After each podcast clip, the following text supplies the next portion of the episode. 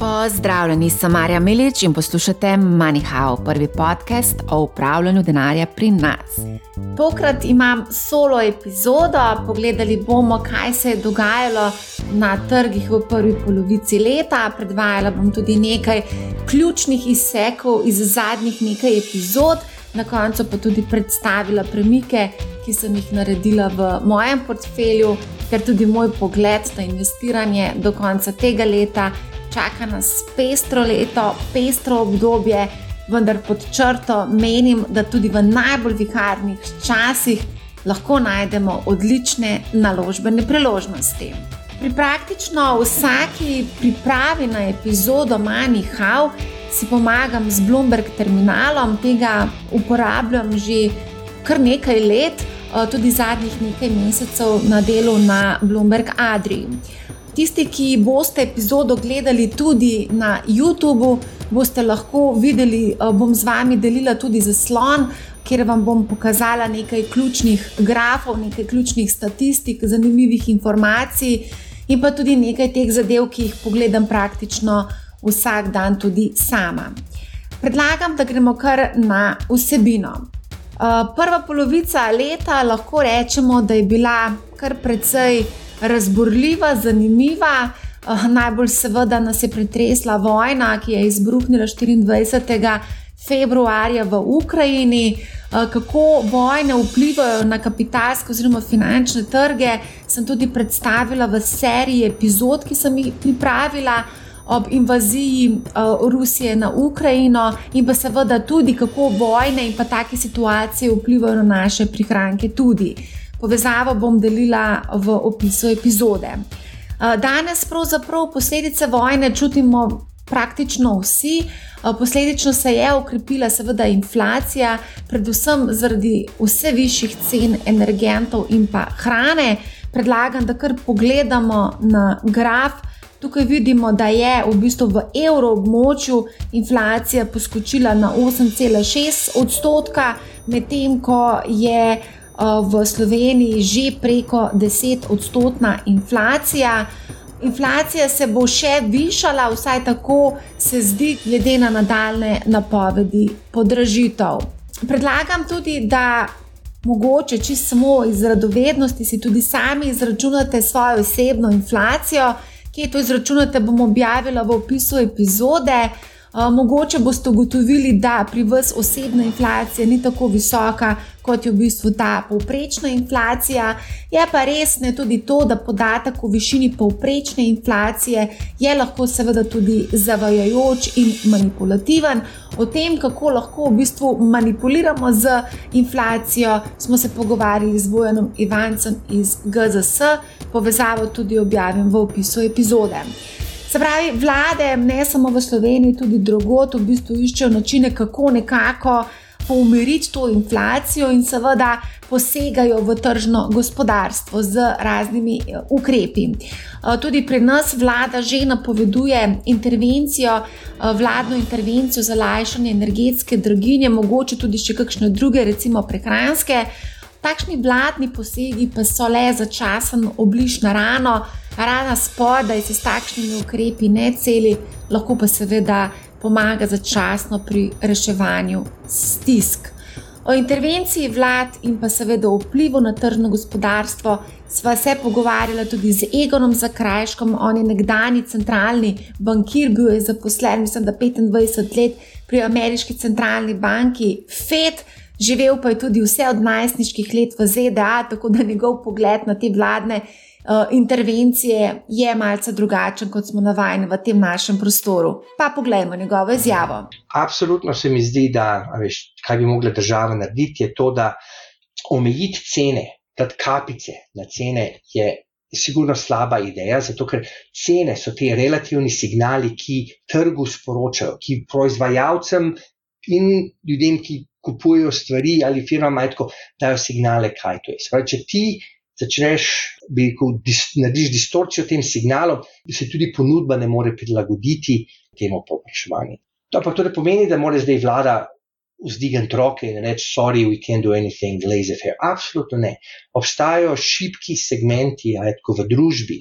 Govorimo o starejših občanih, upokojencih, družine za veliko otrok in starih. Bistveno bolj pametno je, da se tem ljudem, ki so res, ki jim kupna moč res ogromno pada, ki niso zavarovani, ki jim, a veš, stroški goriva, hrane pojejo 60% njihovega, 60-70% njihovega budžeta, je bistveno bolj, da se tem ljudem daje direktno subvencije, kot pa da se daje kapice na, na splošne cene goriva. Tako da tle bi lahko vlada naredila, kjerkoli vlade imajo, rekel, bistveno bolj efektivno politiko, ki res pomaga ljudem, ki so najbolj prizadeti od tem.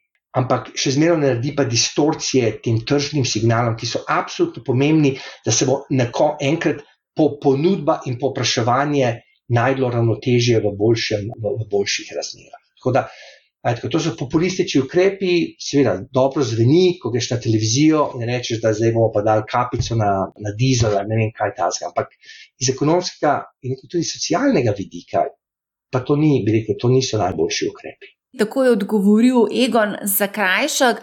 Moram priznati, da sem tudi od drugih nekaj priznanih ekonomistov slišala, da je podobno izjavo, eh, ne samo ekonomistov, tudi predstavnikov nekih trgovcev, ki v bistvu podobno razmišljajo kot Egon Zakrajšek. Kaj ti s temi intervencijami oziroma intervencionizmom se dejansko ruši samo tržno gospodarstvo? In sami vemo, prišli smo iz enega takega okolja, kjer tržno gospodarstvo ni funkcioniralo, in seveda posledice so bile tudi precej znane. Zadnje čase se tudi precej pogosto govori o recesiji, ki v bistvu pomeni krčanje gospodarske aktivnosti oziroma bruto družbenega proizvoda dve četrtletji zapored. Gre v bistvu precej za tak tehničen izraz, kaj pomeni recesija. Pa predlagam, da za lažje razumevanje poslušamo eno bolj, recimo, temu inovativnih pojasnil, ki sem prepričana, jih ne boste našli v nobenem učbeniku.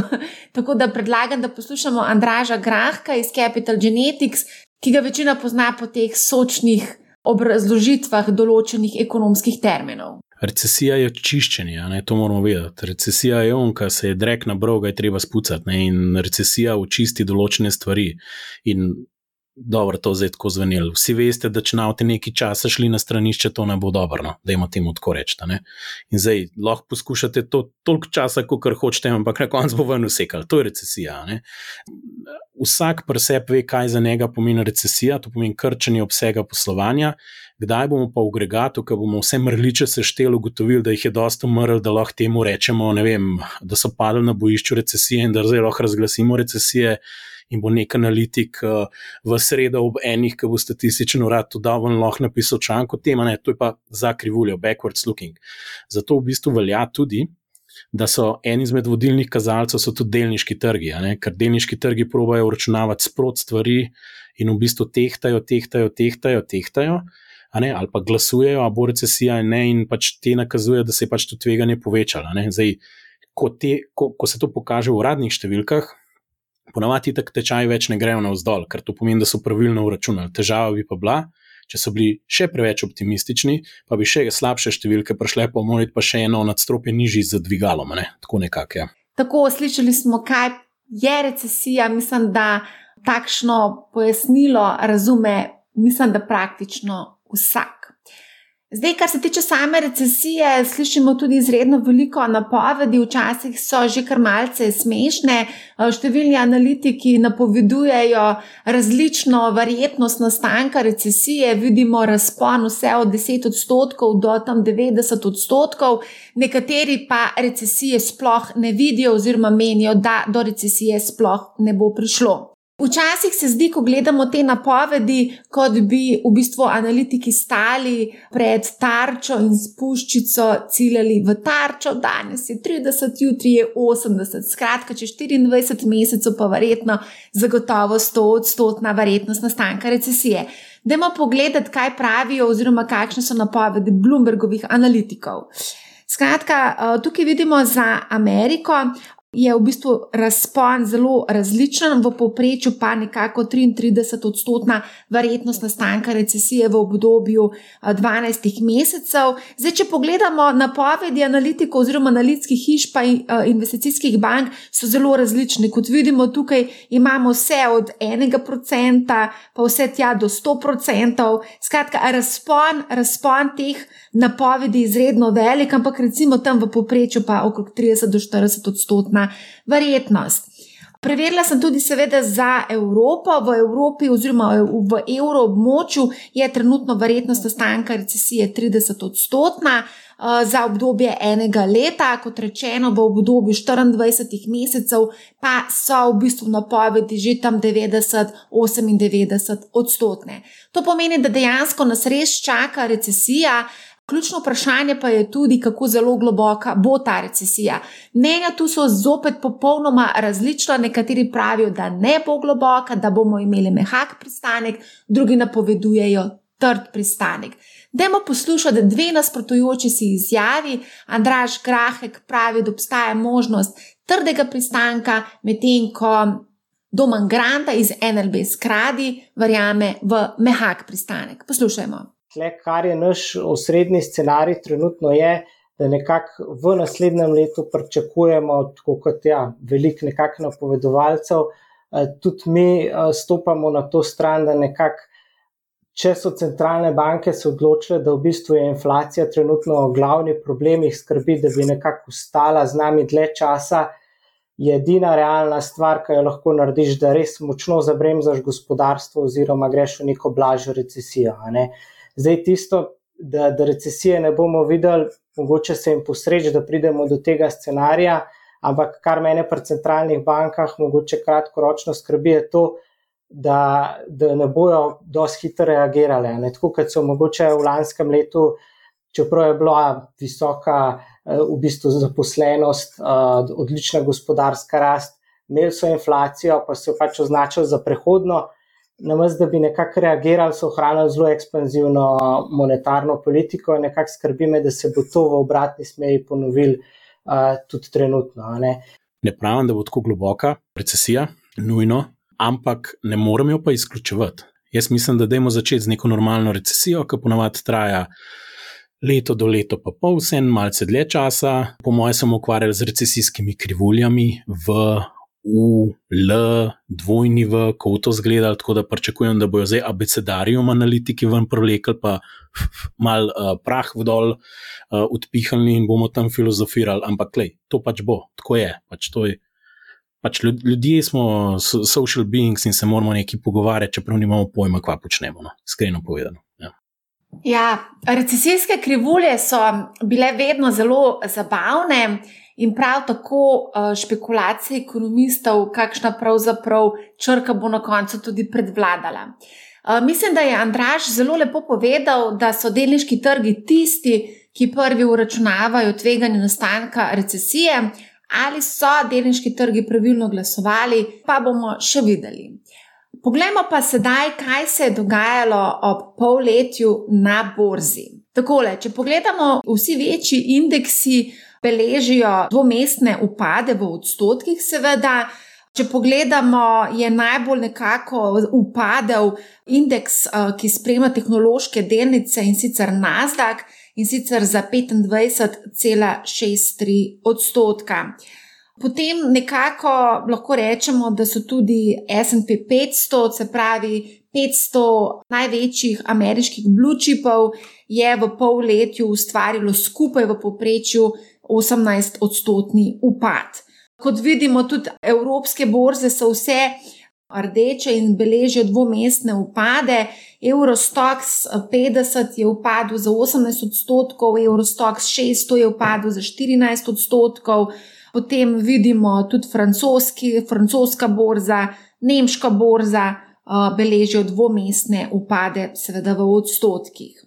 Če pogledamo na drug konec sveta, v Azijo, vidimo tudi upade enomestne, Japonska, Nike 7 odstotni upad in pa Hang Seng 7 odstotni upad. Zdaj, če pogledamo tlele v sosednji stolpec, vidimo, da je vseeno prišlo do manjšega upada tečajev, če pretvorimo v evre, predvsem zaradi tega, ker je dolar v primerjavi z evrom tako močan. Se pravi, če pogledamo konkretno Nasdaq, vidimo, da je v ameriških dolarjih upadel za 25 odstotkov, medtem ko v evrih za 17 odstotkov. Za nas, evropske vlagatelje, je seveda pomembna tudi ta valutna razlika. Vedno je seveda tudi vprašanje, koliko je še prostora za upad. Če pogledamo, vidimo, da Na grafu prikazujem ameriški indeks SP 500, ker vidimo v zadnjih, vse od leta 2007, v bistvu tečaj rastejo. Pravzaprav, če pogledamo bolj natančno, vidimo, da tečaj raste vse od marca 2009. V tem času se je SP 500 ukrepil za 473 odstotkov, oziroma če gremo na tale vrh je pridobil skoraj 500 odstotkov, oziroma 576 odstotkov. Zdaj, če pogledamo v tem celotnem obdobju, je bilo kar nekaj nihanj, najbolj boleče je bilo seveda marca 2020, ko je bila razglašena pandemija. Tukaj lahko tudi pogledamo, da so tečaji upadli za 35 odstotkov od te krize, od tega dna, ki je bilo doseženo v marcu 2020 so se tečaji pospeli za 114 odstotkov, oziroma če upoštevamo zadnjo korekcijo, pet, za 75 odstotkov. Sedaj, um, ja, kot vidimo, borza je tako zelo živ organizem, stalno nekaj dogaja, nikoli ni dolg čas, vedno je potrebno biti tudi malce na preži. Uh, potrebno pa je seveda tudi pogledati, kaj se dogaja s posameznimi delnicami v indeksih. In če pogledamo posamezne delnice z lastnih tehnološke panoge, vidimo, da so nekatere upadle za 60 in celo več odstotkov. Večina IT delnic sodi v kategorijo growth delnic, torej tistih delnic, ki se, ki se jim je napovedovala visoka rast v naslednjih nekaj letih, hkrati pa so bile tudi kar precej uh, uh, visoko vrednotene. Po drugi strani pa lahko ugotovimo, da so se nekako bolje obnesle tako imenovane veljo delnice, torej delnice podjetij, ki imajo nekako stabilen denarni tok in zelo tudi skromno pričakovanje oziroma obete za rast. Večina prihaja iz sektorja energije in sorovine, tudi preskrbe, mogoče tudi prehrane. Dajmo pogledati tudi, kaj se je dogajalo po posameznih panogah. Tukaj vidimo konkretno, da je najbolj, recimo v, v prvem polletju letos profitiral energy sektor oziroma panoga energije, 27,9 odstotna donosnost. Vse ostalo je obarvano, kot vidite, rdeče, najslabše jo je odnesla in sicer za 28,6 odstotnim upadom panoga trajnih potrošnih dobrin. Gre za tako imenovane consumer discretionary, to so recimo pa, pralni stroj, pomivalni stroj, avtomobili, potovanje, turizem. Preko 20 odstotni upad pa vidimo, da beležijo tudi panoga komunikacij, tehnologija, nepremičnine ter materijali so tudi kar precej upadli za 19 odstotkov, z področja financ pa 17 odstotkov. Podajmo, poslušajmo Domno Grando iz NRB skladov, ki nam v bistvu pojasni, kaj so ciklični in kaj so neciklične panoge in zakaj je to pomembno, da razumemo. Imamo na eni strani Energy, ki je leto zelo dober delo. Če gledamo, recimo, tudi kaj se je trenutno že na trgu zgodilo ne vem, v bistvu te defenzivne panoge napram ostalim panogam so recimo trenutno na 18-mesečnem uh, dnu. Ja, recimo ciklične panoge so recimo neka potrošnja, ne se pravi to recimo prodajalci, ne vem, obutev, oblek, uh, taka potrošnja, kar recimo ali pa razni pomivalni stroji, avtomobili, ne, to recimo banke, to so take klasične ciklične panoge, ne, pa tudi recimo razne surovine, materijali, energija in take stvari, ker pač, kadar gospodarstvo okreva, takrat dobro delajo, a ne. Na drugi strani imamo pa defenzivne panoge, se pravi, tiste so pa tiste osnovne dobrine, se pravi, hrana, pijača, a, recimo tele. Podjetja, ki se v angliško reče utilities, ne, ki so dobavitelji recimo električne energije, in se pravi, recimo tudi neka farmacija, deloma spada. Ne. In tudi, kar je kaj zanimivo, recimo nek utilities, farmacija, To so panoge, recimo, ki so se letos relativno dobro odrezale, tudi do zdaj. Tako da, recimo, kar je še mogoče, pa ne vem, če bi jo lahko tako označil kot ciklično panogo, ampak tista, ki nas mogoče najbolj skrbi v trenutnih razmerah, še zmeraj kljub pacom ali pa kakorkoli v bistvu se letos presenetljivo dobro drži, je ta sektor real estate. Marsikdo se po tej lepi rasti v panogi energije vpraša, ali se splača investirati zdaj v te delnice. Na to nam je pa odgovoril Alež Grbič, upravljalec premoženja iz Infonda. Poslušajmo ga. Ja, to je zelo, zelo dobro vprašanje, ne, katerem, na katerega pač lahko podaš nek delni odgovor. Sigurno je psihološko za vlagatelje dobro, da imajo pretekle zmagovalce, ampak to ni garancija, da bodo tudi naprej dosegali donose. Zdaj, gre za vprašanje, kateri scenarij se bo odvijal. Ali se bo to odvijal scenarij iz konca 70-ih let, začetka 80-ih, ko smo imeli energetsko krizo, ki je trajala tri leta. Vidimo, da je po naslovnicah spletnih oziroma časopisov, glavnih finančnih časopisov, da si Biden zelo prizadeva, da bi znižal inflacijo preko tega, da išče zaveznike, ki bi načrpali večje količine nafte dnevno. In tu je, mislim, da gre, uh, treba bo spremljati to. Tudi zanimivo pa je tudi to videti, da ta embargo, ki ga je Evropska unija na rusko nafto sprejela, je bil že skomuniciran nekaj tednov pred tem dogodkom. In, in to lahko pač razlagamo, da je precej premije za tveganje že, že štete v cenah nafte. Ja. Tudi lahko, da bo tehnično, da je ta, ta reli uh, izčrpan, ampak vseeno zgleda, da, da, se neka, da se formira neka, nek vzorec, ehm, ki, ki pomeni nadaljevanje trenda. In bomo videli, če nafta gre preko 130 eh, in ostane nekaj dni tam, potem verjetno gre tudi na 140 in više. Ampak, kot rečeno, ne, vse, vsa ta geopolitična situacija bo, bo usmerjala ceno nafte in tudi uh, prizadevanja Bidna, da pri zaveznikih uh, Saudski Arabiji doseže nek kompromis. Ne. Ameriška podjetja imajo tu dokaj zvezane roke, ker uh, vseeno rabijo nekje 12 do 18 mesecev, da, da, da zaženejo, da povečajo kapacitete ali pa tudi kakšne projekte, da zaženejo. In ni, ni tako enostavno. Še posebej pa imajo tudi probleme pri dobavah materijalov. Ne. To je tudi zanimivo, da na strani dobavne verige imajo večina podjetij ima težave, tudi Apple ima težave, ne tako izrazite, ampak naftna podjetja imajo težave dobiti ustrezen material uh, in potem tudi eh, cene uh, čutijo stroškovno inflacijo, tudi pritiski na plače so, so dokaj izraziti. In res zanimivo obdobje nas čaka, in glede na to vse povedano. Mogoče ni slabo, če človek malo poveča delež izpostavljenosti do teh energetskih naložb, ampak če pride do recesije, bojo cene nafte padle in potem bodo tudi delnice energetskih podjetij sledile, sledile temu. Ne. In zdaj se potem človek vpraša, kakšno je razmerje uh, reward risk ratio, in tu pač ni toliko, um, da bi, če, če je človek racionalen, potem um, se ne more, se težko odloči za povišanje deleža energetskih naložb. Uh, če je pač uh, dela na svojem sentimentu, potem bo kupil nekaj. Ne? Ampak racionalen človek te, težko. Težko, kot pravi Alež, težko se racionalni človek odloči za investicijo v energetski sektor, zato bodite previdni, investirajte v bistvu pametno in z glavo.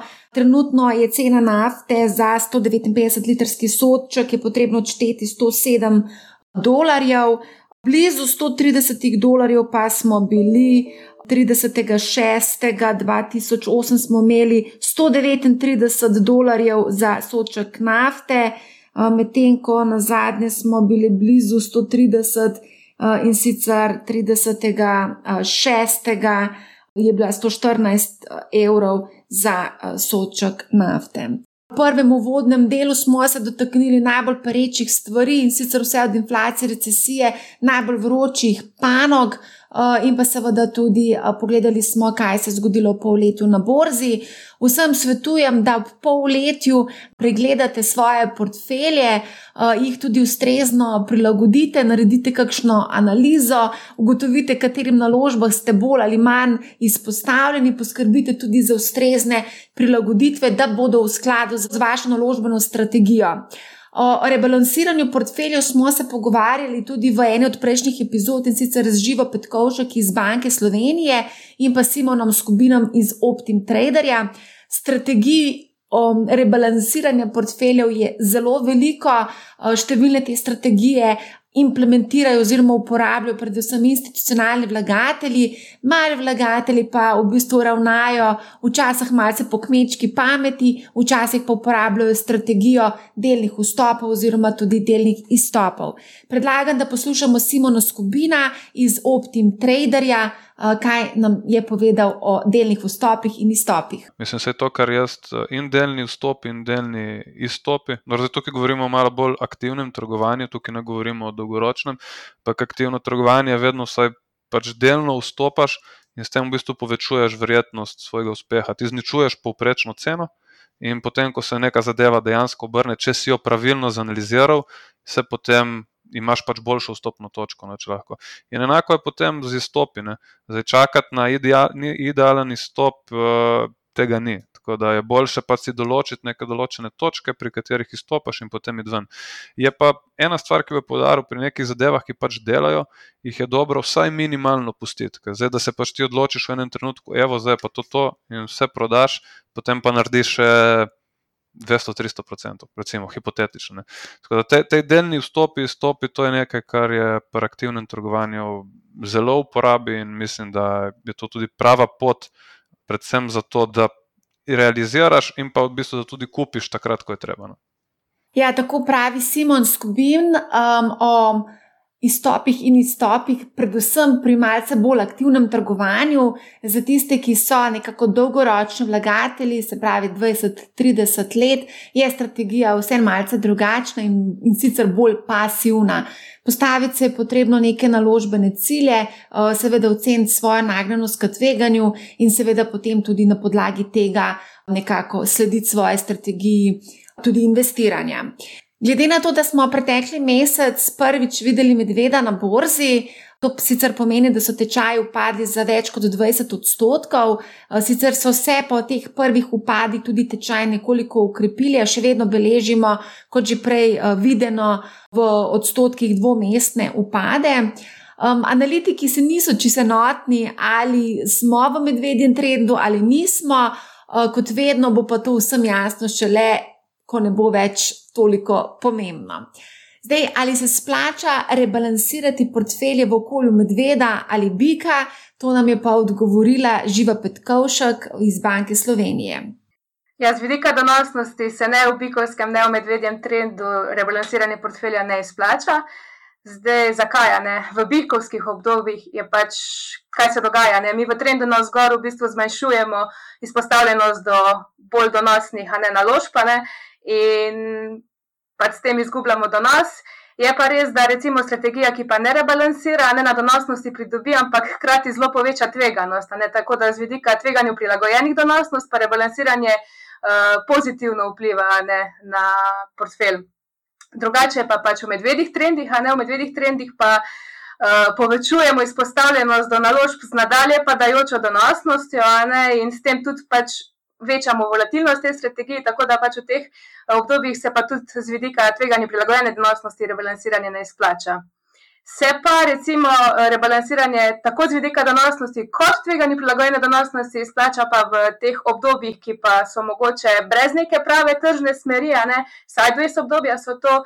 Um, zakaj ta obdobja so praviloma dosta volatilna ne, in se da z rebalansiranjem izkoristiti to lastnost, da vračanja k dolgoročnemu portfelju, no to min reverting lastnost in se pač eh, na nek način dajo ustvarjati neki presežni, sicer omejeni ti donosi, a na naši analizi ugotovljeno, da pozitivni. To je bila živa, eh, preden seveda uskočimo na mojo analizo prvega polletja in pa seveda mojega portfelja in spremembah v mojem portfelju predlagam, da poslušamo samo še dve izjavi na temo napovedi. Kot ste slišali, praktično v celem tem pogovoru vsi nekako špekulirajo, razmišljajo, napovedujejo. Eh, prihodnost, ampak pod črto prihodnosti je izredno težko napovedati. Vidimo pa, da so napovedi analitikov precej eh, konfuzne, eh, včasih se mi zdi, kot rečeno že na začetku, kot bi stali pred pikadom oziroma in metali v tarčo puščico. Dajmo poslušati, kako komentirata to Andraš in Egon za krajšek. Ja, veš, to je eh, en dober izraz v angleščini. Forecasting is hard, forecasting future is even harder. Ja, veš, ljudje se, mislim, veš, kot, jaz kot profesionalni ekonomist, ki se s tem ukvarjam leta in leta in pišem članke, ja, in tako naprej. Veš, ljudje ne razumejo, da bi rekel, naša možnost, da napovemo, kaj se bo recimo dogajalo z BDP-jem, rastjo BDP-ja, kvartal, ena, dva, tri kvartale vnaprej, je izredno, izredno, izredno šipka. Za, govorimo, govorimo, govorimo o pol leta nazaj. Tle imamo, bi rekel, nekaj, kar lahko bi rekel. Rečemo, ok, statistično je boljš, kot pa da mečemo kocko. Ko greš pa enkrat naprej, na štiri kvartale, nažalost, tako je. Da to pomeni, da veš, to, ni, to ni znanost, to ni egzaktna znanost. Tako približno, kako je težko veš, napovedati vreme več kot par dni vnaprej, je bistveno še teže napovedati, kaj se bo zgodilo z ekonomsko rastjo v, v, v rekel, malo, rekel, dolgoročnih terminih. Jaz bi rekel, da so vse napovedi enako napačne kot so vse čas, samo zdaj nas tako hudičev zanima, kaj bo z recesijo, in, je, in smo bolj pozorni na te ankete, koliko zadanejo in koliko ne. In je mogoče malo več, ko reko, emocionalnega kapitala investiranega v, v, v neke novice, v neko vsebino, ki prinaša neko nezaželjeno, mogoče realnost ali pa kakorkoli. Ja, tudi jaz ne znam napovedati prihodnost, vseeno pa je pa treba sprejemati odločitve um, iz, na podlagi podatkov, ki jih trenutno imamo. Uh, pred časom, mislim, da je na 14 dni ali pa tri tedne nazaj, sem napisala na LinkedIn objavo, kaj sem storila s portfeljem naložb tik pred poletjem. Zapisala sem, da je moj portfelj pred poletjem doživel celovito preobrazbo, postal je bolj vitek. Kaj to pomeni? To pomeni, da sem v bistvu zmanjšala število delnic v mojem portfelju. V portfelju sem imela okoli 50 delnic, danes jih imam tam okrog 15.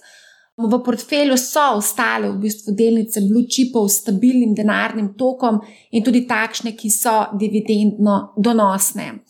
V nekaj mojih objavah na LinkedIn sem tudi objavila, kaj v mojem portfelju, katere so delnice v mojem portfelju, ne sicer vseh, ampak nekaj največjih. Med njimi sem, kot rečeno, omenjala Apple, Amazon, Microsoft, Facebook, Netflix eh, in pa seveda druge delnice, bi pa rada opozorila, da to ni priporočilo za nakup. Kar se je zgodilo tudi z nekaj mojimi delnicami, teh, ki sem jih zdaj naštela, da sem jih tudi v bistvu prodala, vendar predvsem zaradi tega, ker sem lovila davčno optimizacijo. Vsak, ki upravlja s svojim portfeljem, mora vedeti, zakaj kakšne poteze povleče, potegne, zakaj se odloči za kakšne korake. V portfelju imam različne košarice ETF-ov, imam seveda take, ki so bolj globalno razpršene košarice, imam na določene regije, določene nišne trge oziroma nišne panoge. Tudi o tem sem večkrat v preteklosti govorila. Zdaj pa dajmo pogledati, kaj sem storila s svojimi naložbami v štirih korakih in pa tudi moje glavno motivacijo, zakaj sem to storila. Eh, pred časom sem realizirala kar nekaj dobička za prodajo nekaj, nekaj naložb.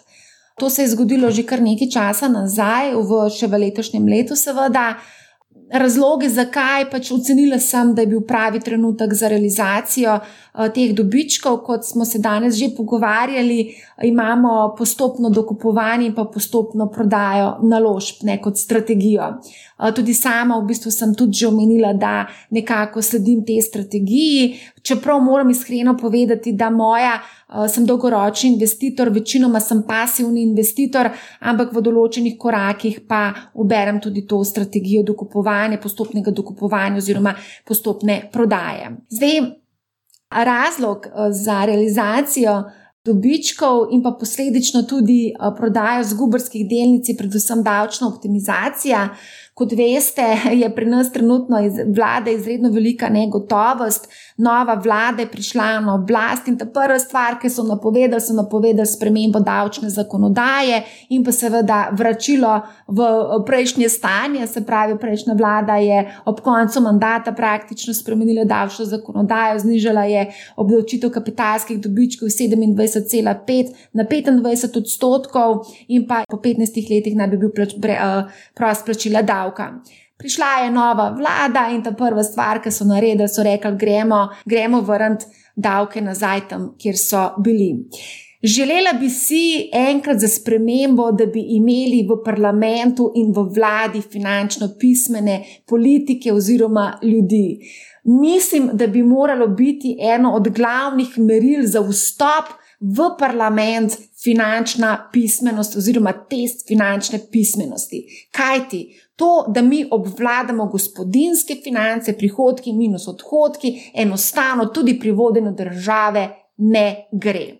In moram reči, da v bistvu da se vsakokratna vlada loti davčne zakonodaje na takšen način, se mi zdi, da vnaša zelo veliko negotovost med vsemi malimi vlagatelji, mali investitorji, ki v bistvu se odpovedujejo delu razpoložljivega dohodka z namenom. Da v bistvu ta denar pošljejo okoli sveta, zato da se oplemeniti in da potem pride nazaj, zato da bomo imeli nekaj od svoje pokojnine. Verjamem v to, da moramo vsi sami poskrbeti za svojo pokojnino. Ne bo nihče drug poskrbel za vas, če ne boste sami poskrbeli sami za sebe. Mislim, da nas čaka cel kup drugih, še nekih izdatkov na stara leta, ali pa še mogoče ne na stara leta. Imamo probleme v zdravstvu, zdravstveno blagajno, imamo težave samo demografijo, pokojninsko blagajno, cel kup nekih težav, pa s tem, da prihajajo tudi težki časi, viharni časi, čeprav jih nihče v, v gospodarstvu oziroma v politiki ne, ne vidi. Ampak ja, cel svet govori, da se ohlaja gospodarstvo, in glede na to, da Slovenija ni neka oaza, ki bi bila lahko tam nekje na osamljenem otočku, eh, ločena stran od celotne ekonomije, mislim, da smo zelo odvisni od tega, kaj se bo zgodilo v Nemčiji. Drugi motiv za prodajo naložb je bil tudi ta, da sem se znebila nekaterih investicij, ki enostavno imajo visoke stroške, visoke stroške upravljanja teh produktov, dogaja se disrupcija na, na, na področju upravljanja, konkurence je vse večja pod črto pa pomembno, stroški pomembno vplivajo na donosnost naših naložb. Zato je pomembno, da razumemo stroške in da točno vemo, kaj pomenijo vstopni stroški, še bolj pomembno pa je, da razumemo, kaj pomeni upravljalska provizija in koliko na letni ravni vi iz, svojega, iz svojih prihrankov namenite upravljalcu, zato da upravlja z vašim denarjem. Pod črto je pomembno, seveda, vedeti, kaj pomeni CSP oziroma celotni stroški poslovanja oziroma total expense ratio in kaj to v bistvu pomeni, konc koncev, tudi na končni rezultat.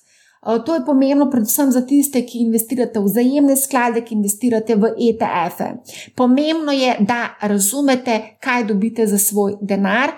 Pomembno je, da razumete, kaj bi lahko dobili, če bi bili stroški upravljanja nižji ali pa celo, da bi bili skladi boljše upravljani.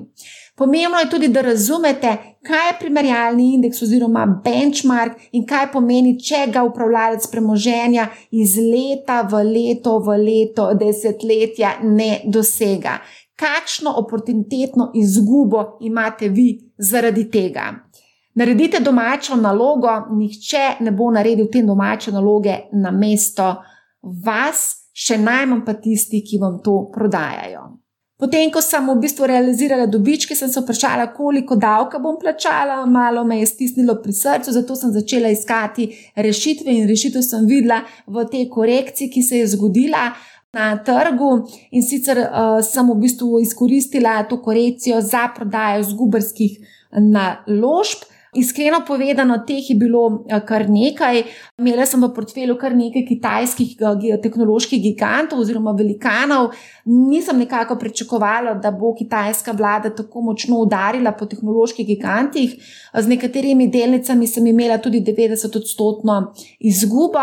Prodala pa sem tudi nekatere naložbe, za katere verjamem, da bodo v prihodnosti uh, dobro um, poslovala, ampak enostavno sem jih kupila očitno ob napačnem času in posledično uh, sem z temi zadnjimi korekcijami ustvarjala tudi kar lepo izgubo. Kot rečeno, jaz sem dolgoročni vlagatelj in začimbami začinim svoj portfelj. Pre, pretežno investiram v visoko tvegane investicije, ampak s tistim osnovnim delom svojega portfelja uh, pa v bistvu se ne igram na tak način, kot v bistvu s tistim drugim delom portfelja. Kot rečeno, v osnovi imam tisto zdravo jedro, govorimo o globalno razpršenih ETF-ih in pa seveda nekaterih drugih košaricah, za katere samo ocenjujem, da so lahko zanimive za dolgoročne investitorje. Ta četrta stvar, ki bi želela poudariti, je vsa ta sredstva oziroma denar, ki sem ga v bistvu nekako ustvarila oziroma realizirala, ne pomeni, da bom zdaj šla na nek shopping spree ali pa da ga bom porabila za počitnice ali karkoli, pač enostavno za te cilje vrčujem na drugačen način, za kratkoročne cilje, počitnice in podobno, ne? ampak ta denar bom reinvestirala um, seveda um, ne bom šla z večjimi vsotami denarja, sedaj na trg. To smo se že naučili tekom v bistvu vseh teh epizod. Če imamo večje količine denarja, 10, 15, 20, 30, 100 tisoč evrov in več.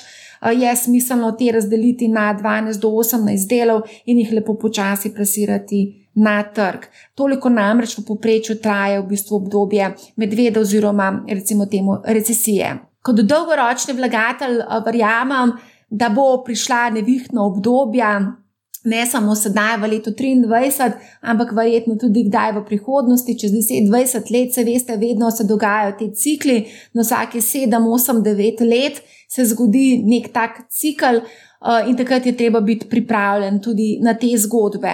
Napovedi, težko je biti pameten v tem okolju. Eh, zdi se, da je zelo veliko pametnjakovičev v tem trenutku, ampak v tem okolju, kot smo trenutno, se mi zdi najbolj nekako za, za najbolj smiselno, da ostaneš zvest tisti svoji prvotni naložbeni strategiji in da v bistvu se ne pustiš nekako prepričati v nasprotno. Mar se kdo, zdaj precej mailov dobivam v smislu, a ne bi bilo bolj smiselno počakati, da se zgodi ta recesija, 50-60 odstotni upad tečajev.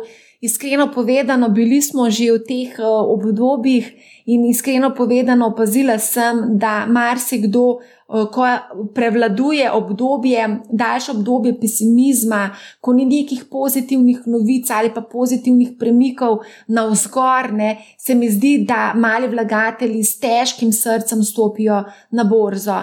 Tudi danes, recimo, mi je zanimivo, kako nekateri se ne želijo o tem izobraziti, ravno zaradi tega, ker pač menijo, da ni pravi čas za investiranje. Če je kdaj pravi čas za investiranje, takrat, ko v bistvu prihajajo ta viharna obdobja, ko se enostavno potrebno vse spogledati, kaj se dogaja na trgu in pa seveda poiskati priložnosti. Nekako se mi zdi, da ravno iz tega vidika smo pogosto tudi potem kaznovani, ker nismo pravočasno bili na pravem mestu v pravem eh, času. Tako da jaz vsem vam svetujem prvi korak, najprej v polletju pogledajte svoje portfelje, preverite, kaj se je zgodilo z vašim portfeljem po zadnjih korekcijah. Jaz moram iskreno povedati, da še junija oziroma julija še nikoli nisem bila tako pripravljena na oddajo davčne napovedi, ki jo bom oddajala februarja naslednje leto, kot letos, to se mi je zdaj prvič zgodil. Jaz sem ena tisti, ki zadnji vlak lovi tik pred zdajci, vedno oddajam, pa ne bi se s tem hvalila zdaj. No. Skratka. Svetujem, kot rečeno, da pogledate svoje portfelje, da ocenite svojo nagnjenost k tveganju, še enkrat se vprašajte, koliko v bistvu tega stresa, pritiska boste zmogli prenesti. Če bodo tečajnice upadle za 50-60 odstotkov, Warren Buffett pravi, da če niste sposobni tega nekako prenesti, potem ni borza za vas. Kot drugo, svetujem, da tudi v obdobju, ko bo težko, ostanete zvesti svoje naložbeni strategiji in lepo počasi plasirate svoj denar na trg. Toliko z moje strani. Če želite spremljati moje objave, dajte še mečkam pogledati na LinkedIn, ker tam se mi zdi, imam dosti krat zvečer kakšno inspiracijo in napišem kakšen post oziroma kakšne sporočilce. Sicer pa se seveda slišimo že naslednji teden oziroma že čez par dni z novo epizodo, govorili bomo pa o sektorju energije oziroma energentov in surovin. Tako da se slišimo, najlepša hvala za vaš čas, za vašo pozornost. Poslušajte, manjhav, ne bo vam žal in lep pozdrav.